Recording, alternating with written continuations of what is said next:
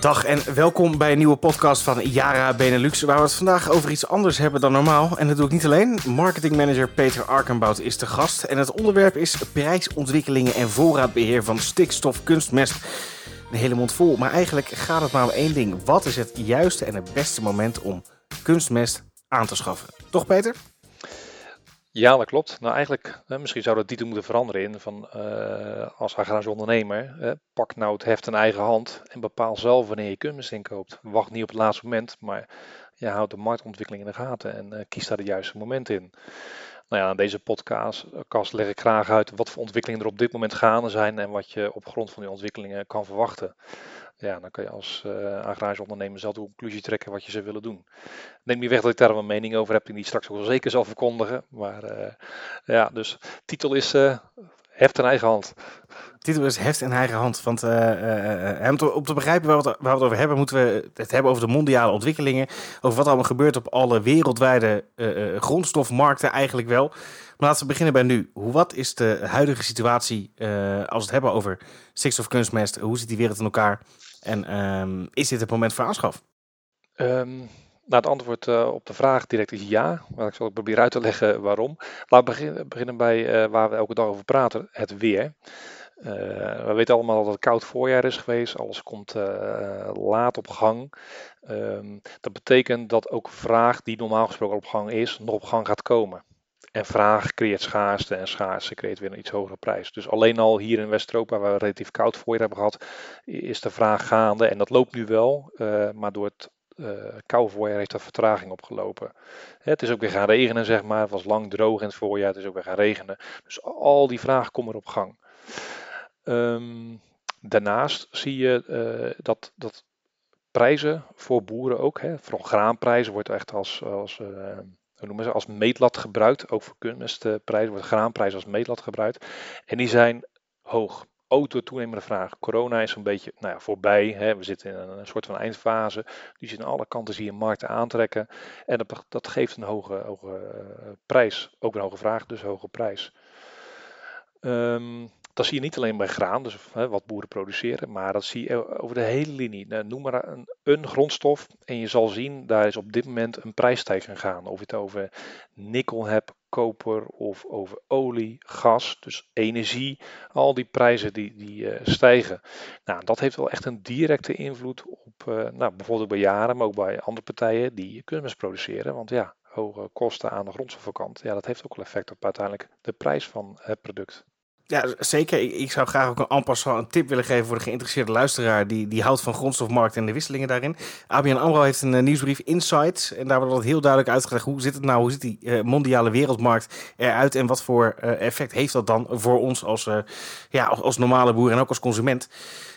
maar de stand van nu, Peter, wat, wat gebeurt er nu op al die internationale markten? Nou, dus, dus we net hebben het over het weer gehad en wat algemene ontwikkelingen. Nou ja, dat leidt ertoe dat uh, de, de uh, prijs van kunstmest gewoon stijgt internationaal en fors ook. Daar komt nog bij dat er een paar grote partijen, en met name uh, India, die regelmatig tenders uitschrijft. Nou, daar schrijven een hele grote producenten zich op in. die heeft bijvoorbeeld afgelopen jaar 11,5 miljoen ton aan ureum geïmporteerd. Nou, dat is echt heel, heel erg veel. En als je zo'n grote vraag creëert op de markt, heeft dat ook weer een prijsopdrijvend effect. Um, dus dat betekent ja, alle seinen wijzen uh, één kant uit. En dat is dat stikstofkunstmestprijzen uh, gaan stijgen. En ondanks dat we op al een hoog niveau zitten. Ja, maar dat, dat, is natuurlijk India, dat is de andere kant van de wereld. Uh, dat zoveel effect heeft als op de Benelux, zou je zeggen. Ja, doe ik het even uit mijn hoofd hoor. dus pin me niet op vast. Maar ik heb pas ook eens opgezocht dat 28% van alles wat we in uh, Europa gebruiken aan stikstofkunstmest, in welke vorm dan ook, wordt geïmporteerd van buiten Europa. Dus wat er op de wereldmarkt gebeurt, heeft absoluut effect ook wat er in Europa en ook bij jou in de achtertuin gebeurt. Dus, uh, en als bijvoorbeeld, uh, om even kijken, ik heb hier een getal staan, de grondstofprijzen, oh nee, de, de stikstofprijzen in, in de wereld bijvoorbeeld als Ureum, is met 86% gestegen. En in Nederland is dat nog maar, of eigenlijk in de Benelux, is dat nog maar met 45% gestegen. Dus we lopen eigenlijk nog een beetje achter. Dat is de actuele ontwikkeling met de Benelux. We zien dezelfde trend, alleen is hij wat gematigd. Ehm, maar je kan op je vingers natellen dat we de, de trend op de wereld achterna gaan. Misschien iets gematigder en gedempt tempo, maar het gaat dezelfde kant uit. Ja, en we moeten niet vergeten, het gat tussen 45 en, en uh, 86 procent is natuurlijk vrij groot. Maar een stijging van 45 procent, die voel je ook gewoon al in de portemonnee. Uh, Klopt. En dan bieden jullie als Jara zijn al kunstmest aan voor opslag voor het volgende seizoen. Uh, maar is het dan raadzaam om daar heel in te investeren? Um, nee, kunstmest, stikstofkunstmest heb je sowieso nodig. Je kan niet zonder, dus uh, het is een gegeven dat je er wat mee moet. Nou, normaal gesproken zou je verwachten dat in deze tijd van het jaar, dus halverwege het jaar, dat die prijzen wat gaan zakken. Uh, dat was de normale gang van zaken, omdat de grootste vraag voorbij is. Maar ja, dat is nu de situatie, de prijs dus niet zakt. En met de ontwikkelingen die ik net heb geschetst, ja, is het eigenlijk heel erg logisch om te verwachten. En uh, helemaal zeker weten doe ik het niet, maar het is wel logisch. En dat is wel wat in het wereldje besproken wordt, dat naar verwachting de prijzen zullen gaan stijgen. Dus als je dat ook als, als boer weet, dat is, uh, als je als landbouwer door hebt van die prijs alleen maar gaan stijgen, ja, dan loont het om nu vast wat van je kunstmest die je volgend jaar uh, in het voorjaar nodig hebt, nu vast aan te schaffen. Uh, ik zou zelf niet het hele, alle 100%, 100% aanschaffen, maar bijvoorbeeld een derde is zeker te overwegen om dat wel aan te schaffen. Ja, want het, het aanschaffen in verschillende, uh, op verschillende tijdstippen. Kan ik dat zien als een soort uh, een risicospreiding. Net als in het casino dat ik niet alles op één gokkast inzet, maar toch ja, 10 of 20 gokkasten kies. Uh, nou ja, het vergelijk met het casino vind ik persoonlijk wat gevaarlijk. Want in dit geval is het hè, gecalculeerd risico. Dus ondernemen heet dat. Ja. En, en, natuurlijk hè, investeren in stikstof levert altijd wat op, namelijk rendement. Ja, ja heel veel zelfs. Um, maar je hebt wel gelijk, het is wel spreiden van, van je kansen. Want nu anticiperen dan erop dat de prijs verder zal gaan stijgen. En dat is erg waarschijnlijk ook. 100% zeker weten doe je het niet. Dus uh, het is altijd een soort van speculatie. Um, maar misschien goed om het vanaf de andere kant te bekijken. Als je uh, bijvoorbeeld aardappeltelers, uh, je hebt een aantal die telen op contract. Dus die spreken vooraf een prijs af. Maar er zijn ook een heel aantal die telen voor de vrije markt. Ja, die verkopen ook gefaseerd niet allemaal, maar een aantal verkopen gefaseerd hun aardappels. Je kan het tot het volgende voorjaar in de schuur laten zitten en dan hopen dat je goede prijs hebt. Dat is ook speculatie. En er zijn een aantal die gaan in, in fases afleveren. Ja, waarom zou je dat niet ook met de aankoop van je kunstmest doen? Dat is andersom geredeneerd. Dan gaat het niet om verkoop, maar om aankoop. En op die manier je kansen spreiden. En ook ja, te zorgen dat tegen het tijd je het echt nodig hebt en niet anders kan, want je gaat 100% zeker stikstofkunstmest kopen, want dat heb je gewoon nodig voor je teelt.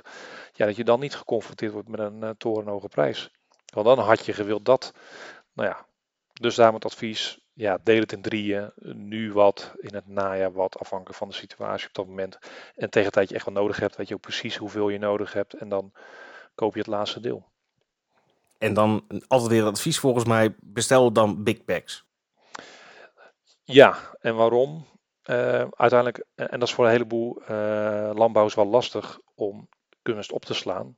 Uh, veehouders hebben het vaak in silo's, maar in de winter wordt het ook voor andere doeleinden weer gebruikt. Ehm, je kan het losgestort krijgen, maar dan moet je ook net plek voor hebben. En het trekt enorm veel vocht aan kunstmest, zoals we allemaal weten. Dus hoe kan je het nou opslaan zodat je ook kwaliteit bouwt? Ja, big bags zijn daar uitermate geschikt voor. het wordt in ieder geval vochtdicht verpakt. Er kan geen vocht bij komen. Er komt ook bijna geen lucht bij. Dus als je het op uh, pallets neerzet, je dekt het ook nog met een zeil af. Ja, dan zit het ontzettend goed uh, beschermd in zo'n big bag. En de kwaliteit die in de fabriek in de zak wordt gestopt, die heb je volgend jaar in het voorjaar weer boven de kunstmest hangen. En daarmee ook verzekerd van een goed strooibeeld. Dus ja, en het is makkelijk op te slaan, het is goed te stapelen, goed te handelen. Dus voor iedere boer is dat in principe goed te doen. Dus eigenlijk alleen maar voordelen, alleen is de opslag dus even een klein uh, aandachtspuntje. Uh, het betekent wel dat als uh, een boer dit wil, dat hij dat kenbaar moet gaan maken bij Yara en via jullie moet gaan bestellen en misschien niet via de eigen handelaar zoals hij dat normaal doet. hoe kan de boer het kenbaar, maken? Nou ja, voorop staat dat, dat een, een landbouwer en boer zelf wel het heft eigen hand neemt. En hoe hij dat doet, dat is aan die boer zelf. Uh, dus hij kan wel degelijk bij zijn eigen handelaar, hè, bijvoorbeeld van verhalen als dit, zeggen, hey, hoe zit het nou, vertel eens, en ik heb wel interesse. Uh, het zou natuurlijk hartstikke mooi zijn als er een jarenproduct aangeschaft wordt. Uh, maar het belangrijkste vind ik dat, dat er iemand er goed over nadenkt en zijn eigen keuzes daarin maakt.